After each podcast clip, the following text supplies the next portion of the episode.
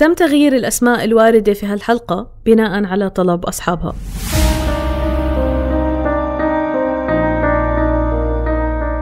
لأنه إحنا عشنا هون إحنا صغار هالقد يجينا. إذا شايف الشجر هذول اللي قبالك هذول إحنا زرعناهم. يعني عشره عشرة هون. يعني بنعرفش بالباكستان حدا قد ما بنعرف هون الاردنيين والباكستانيين يعني لنا خلطة معهم. هذول بعرفهم مش حدا هناك. لو راحوا بع- بعرفهم مش حدا. ما بعرفهم حدا. إذا رحت هناك عند مين بدي أروح عمامي هان خوالي هان عماتي هان خالاتي هان أصحابي هان أولادي هان شغلي هان. شو بدي أروح أسوي بباكستان؟ بيتذكر إبراهيم أيامه الأولى في الأردن. كان في حرب بالمنطقة. كانت الطيارات تمر من فوقهم لما وصل وهو طفل مع عائلته واللي كانت رايحة على الحج بس بدل ما يرجعوا على الباكستان قرروا يستقروا في الأردن وبلشوا يشتغلوا بالأغوار. اليوم ابنه حسن عمره 25 سنة. بيعتبر حاله ابن بلد ولو كان ما بيحمل الجنسية ولسه مضطر يستنى الكفيل يرد على التليفون عشان يجدد إقامته وتصريح العمل.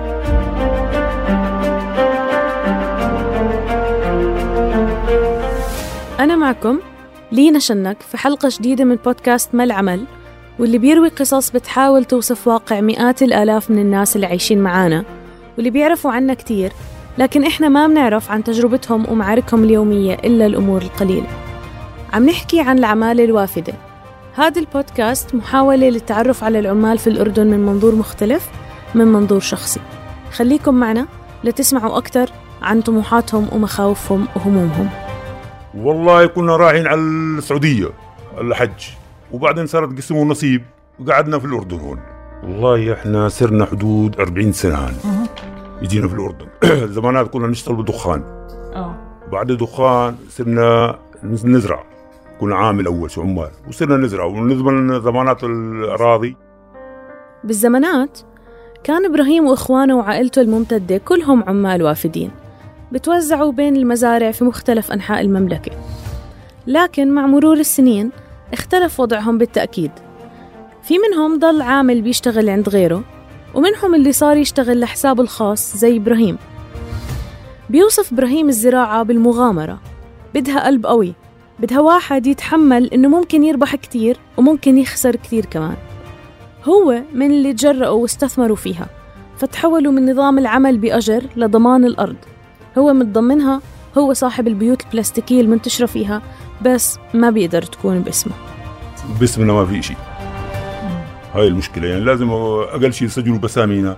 وبعد تكون واثق من نفسه. سمع الله ساعتها بتصير شيء تبيع زي ما بدك أنت صح ولا لا؟ لما يكون باسم أردني بقول لك بديش أنازل لك يا عمي. مشكلة هاي كمان عندنا. بحسب تقديرات السفارة الباكستانية في عمان واللي وردت في تقرير صحفي بعام 2016 يوجد في الأردن حوالي 16 ألف باكستاني منهم 10 ألاف بيشتغلوا بالقطاع الزراعي. بالمقابل في عدد من المهاجرين الباكستانيين حصلوا على الجنسية الأردنية بعد إقامتهم في الأردن لمدة طويلة وأصبحوا مواطنين أردنيين بالكامل. لما كان صغير بالسن بيتذكر إبراهيم إنه آه صحيح في شخص عرض عليهم يساعدهم يحصلوا على جنسية لكن ما حدا أخده بجدية بوقتها. قال لي بدي أجيب لكم الجنسيات اضلكم قاعدين قلنا يا عمي هذول أيام أبواتنا وهذول إحنا كنا صغار يعني. آه. وما وافقوا أول زمان. هذا الزمان زمان حكي يلا. كان ما بالبالنا وشغلات زي هيك كان ما بالبالنا بس إحنا صرنا 40 سنة.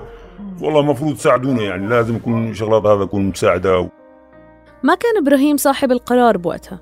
راحت الأيام ونسي موضوع الجنسية. بس غرق بتفاصيل تانية بتخليه يوقف اليوم يرجع بالزمن ويمكن يتمنى لو إنه بالفعل أخذ الجنسية. من إقامة سنوية لتصريح عمل لسيارات مش بأساميهم لرخصة سواقة بتطلع بصعوبة لأرض بيزرعها كل سنة بس ما بيقدر يملكها. مرات بيتساءل لو كل هالتفاصيل اللي بتعكر حياته وحياة عائلته اليومية كان ممكن تختلف لو إنهم أخذوا عرض الجنسية بجدية بهداك اليوم قبل عشرات السنين. من غرفة صغيرة بمزرعته بيطول إبراهيم وراء إقامته هو وعائلته. إقامة زوجته مثلا منتهية من عام 2014 ولسه ما بيعرف إمتى حتتجدد.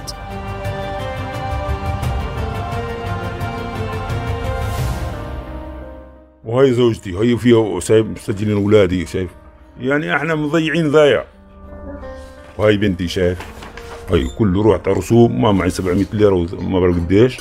هسه زادت. أيوه. يوم كل يوم ليره ونص غرامة. لأنه لما يسوي شو اسمه إقامتي. إذا مش مجدد إقامتي ما بسوي له إقامة. آه. لازم يكون آه، شغال طب اقامه ليش كانت كنت مش مسوي إقامتك؟ وما ما- اليوم كفيل بقول لي اليوم بكرة اليوم بكرة. بالوقت اللي كان إبراهيم بيستنى فيه الكفيل تراكمت الغرامات عليه وعلى عائلته. قدر يجدد إقامته هو لاحقا بس إقامة زوجته لسه بدها وقت. ما بيخفي إنه وضعه المادي مش مثل الأول. اللي يقدر يحط هالمبلغ بس للإقامة وغراماتها. ما في. هسه كل ما بنجيب بنحط انت عارف صار لها أيام الازمه السورية هاي. بعدية بعدية من مرة يعني استوينا صراحة. يعني كنا أول كنا مدبر حالنا ماشي الأمور. هسه والله من مرة. حسن ابنه لإبراهيم. انولد وعاش طول حياته بالأردن. ولا مرة زار الباكستان. صار هو كمان رب أسرة جديدة بالأردن. وهو كمان بمر بكل التعقيدات اللي بيحكي عنها أبوه. مثلا عشان يوقف جنب قريبه اللي صار عنده حالة طارئة وصار لازم يسافر على الباكستان كان لازم يعطيه مكانه عند الكفيل بتصريح العمل ليقدر يجدد إقامته ويسافر ويرجع. يعني صار هو حسن بدون تصريح عمل قانوني بهالأثناء حتى يلاقي مخرج تاني. حسن بيفتخر إنه مولود بالأردن. بيفتخر إنه بيعرفها من شمالها لجنوبها وما عنده أي رغبة في إنه يتركها. بس أوقات بيشعر إنه انظلم هو وأهله وإنهم بيختلفوا عن بقية المهاجرين. عاشوا سنين يحرثوا في الأرض والنتيجة مش بالضبط اللي كان هو على الأقل متوقعها. إحنا جينا هان أبهاتنا وكل اعمامنا وقرايبنا ما فكروا إنه يرجعوا على باكستان. بمثال إنه يكون راتبه الشهري 300 دينار. كان روحهم على البلد وبنى فيهم واشتغل فيهم هناك. بس إحنا لا كل إشي توفر لنا ويصح لنا بالأردن هان اشتريناه هان. ما فكرنا نشتري إشي بباكستان متر أرض ما اشترينا. بالآخر ما لقينا إشي. ولا إشي. للرخص نتغلب إقامات تصريح نتغلب تجديد سيارات لما يكون باسم أردني أو باسم واحد. صاحبك تقول له تعال بدنا نرخص السيارة يقول لك اليوم بكرة. بدك تجدد إقامة بقول لك اليوم بكرة. بدك تجدد تصريح بقول لك اليوم بكرة. فكل شيء صار اليوم وبكرة. وآخر شيء ما لقينا شيء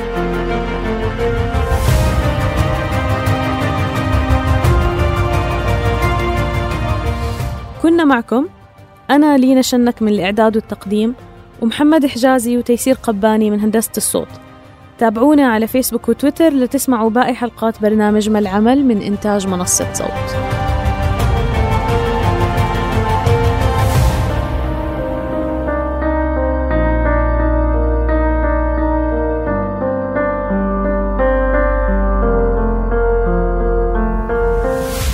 إصدار هذه الحلقة بدعم من مؤسسة هنريش بول الألمانية مكتب فلسطين والأردن.